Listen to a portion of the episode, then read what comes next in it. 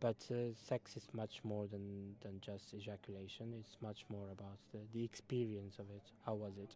And I'm uh, I'm all, always imagining the orgy experience would be something uh, uh, I would remember quite quite a lot. Like, and I, I will I will learn from it first, and it will make me discover um, other people, but uh, the most importantly, it make me discover myself. Uh, it, it's kind. I, I always imagined it will be uh, some kind of high ecstasy, high, uh, high level of uh, of excitement. To see, uh, I'm always picturing like ten-ish people, and uh, everybody is is in this mode of of ecstasy and excitement, and be part of it would be would be very very interesting.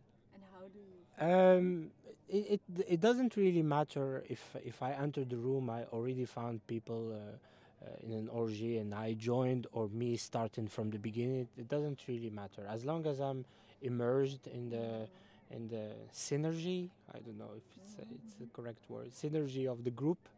That would be that would be good. I'm more in a Muslim conservative uh, conservative style, and. Um, people don't usually talk in an open way. And i was always advocate of uh, you know let's talk about it. It's it's a big part of, of our life. And uh, yeah we need to remove all the, the shame around it you know if we can learn something from because it's it's it's really um, it's the most interesting experience uh, you learn quite a lot from it and um, like i said mostly about yourself and um, um,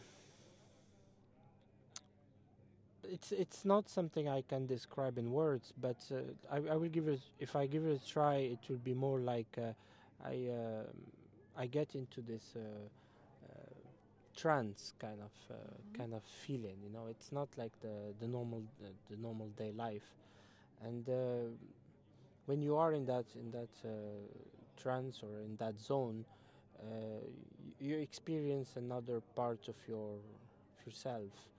Um, I like to experience, for example, the animal part of me. You know, mostly I'm I'm this uh, uh, person who is uh, with a culture and a country and stuff.